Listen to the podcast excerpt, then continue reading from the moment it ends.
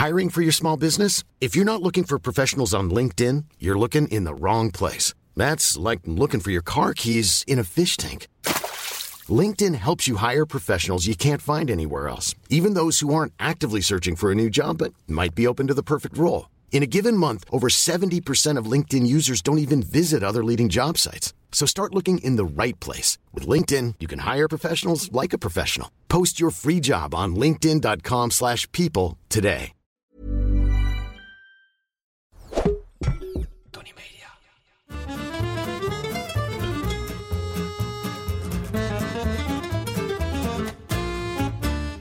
Ben Julius Jaspers en ik ben meer dan dol op eten. Iedere week pak ik één product uit mijn voorraadkast en zal jullie daar alles over vertellen. Vandaag is dat honing. Wat is honing? Een prachtig natuurproduct. Een van de mooiste als je het mij vraagt. Ik ben er ook echt gek op. Het heeft altijd een hele lekkere bijsmaak. Het produceren van honing door de bij is een intensief proces. Voor één lepel honing moet de honingbij zo'n 4000 bloemen bezoeken. Dat betekent dat de honingbij voor 1 kilo honing een heel rondje rond de wereld moet vliegen. Zodat wij toch kunnen genieten van honing, heeft de industrie daarop ingespeeld. De fabriekshoning, die bij iedereen wel in het voorraadkastje staat, heeft geen duidelijke afkomst. Het is wel zoet, het heeft de kleur en de structuur van honing, maar het ligt nog ver van de echte natuurlijke honing. Die proef je pas wanneer de honingbijen specifieke velden hebben bezocht, zoals de acacia, de lindenbloesem of andere specifieke bloemen. Het bijzondere is dat de honingbij redelijk bloemvast is, dus altijd maar nectar van één bepaalde bloem, plant of struik haalt. De koning onder de honing is de heidehoning. Dit is door de smaak, maar ook door de hoeveelheid antioxidanten en mineralen die het bevat. Er is een enorme diversiteit aan honing, want we hebben het nog niet eens gehad over woudhoning, citrushoning, dennenbloesemhoning, lavendelhoning, koffiebloesemhoning, oranjebloesemhoning en balseminhoning, om er maar eens een paar te noemen. De plek waar de nectar is verzameld is bepalend voor de smaak. Honing uit een bos smaakt anders dan uit een veld. Bijen zoemden al voor het bestaan van de mens over onze aarde. Onlangs zijn er zelfs fossielen gevonden van 100 miljoen jaar oude bijennesten in het Patagonia-gebergte in Argentinië. Oude tekeningen in de buurt van Valencia vertellen ons dat er in het jaar 7000 voor Christus al honingverzamelaars waren. Door de verschillende functies van honing als voedings-, schoonheids- en geneesmiddel werd het door veel volken enorm vereerd. In het oude Egypte was honing ook bijzonder populair omdat het zo moeilijk te oogsten was, behoorde het tot de meest begeerde zoete levensmiddelen. Honingdieven werden daarom ook zwaar gestraft. Als een hoge Egyptenaar kwam te overlijden, ging honing als offer standaard mee het graf in. Dit deden ze om boze geesten op afstand te houden. Vandaar dat Ghostbusters het nooit gehaald heeft in Egypte. Zoals elke week is er nu ook weer een hamvraag die deze week ook een klein beetje over ham gaat. Vraag deze week komt van What This Girl Eats. Beste Julius, wat is volgens u de allerbeste honing voor een honey glazed vleesgerecht zoals, daar komt hij, ham?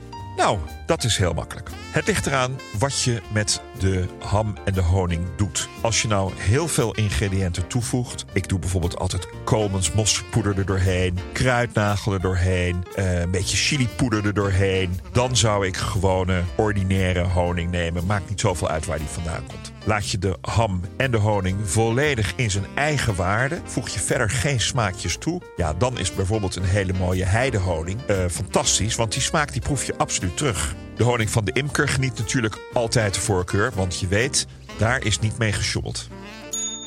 Over honing doen veel feiten en fabels de ronde. Omdat het een natuurproduct is, denken veel mensen dat het gezonder is dan suiker. Maar laat me die bloemige droom meteen kapot maken. Dat is niet zo. Allereerst is suiker ook een puur natuurproduct. En daarnaast bevat het dezelfde stoffen als honing, in welke vorm dan ook.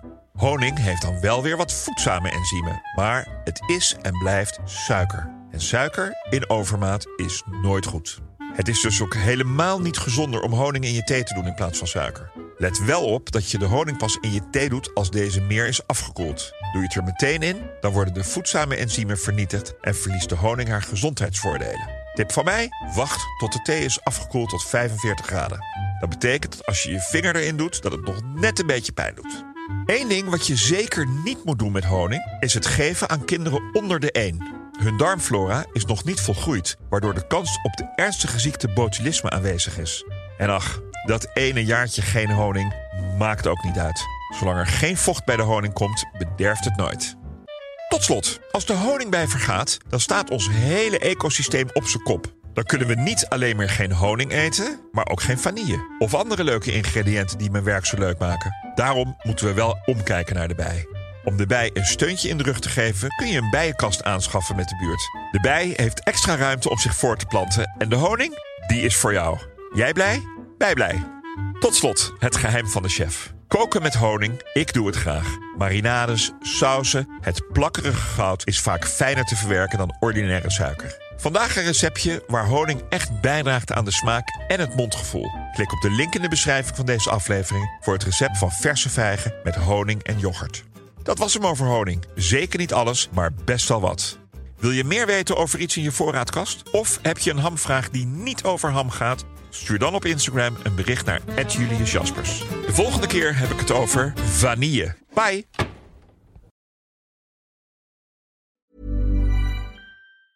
Even when we're on a budget, we still deserve nice things.